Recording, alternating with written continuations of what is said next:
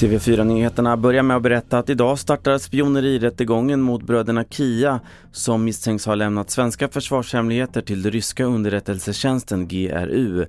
Orsakerna bakom spioneriet kan vara många, det säger Henrik Häggström som är biträdande chef på Försvarshögskolans analysavdelning. Det är klart att pengar kan spela roll. Det kan vara att man på något sätt är sur på sin arbetsplats. Man fick inte det jobbet man hade hoppats på. Eh, ibland kan det handla om spänning. Det kan också vara så att man av ideologiska skäl tycker att man gör rätt.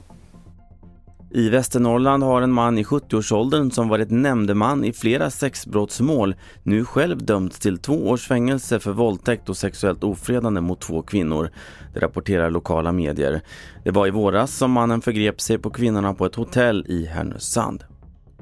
Till sist, igår kväll kom beskedet att hockeylegendaren Börje Salming avlidit 71 år gammal efter en tids ALS-sjukdom.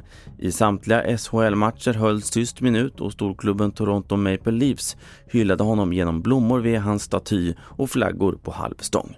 TV4-nyheterna, Carl-Oskar Alsen.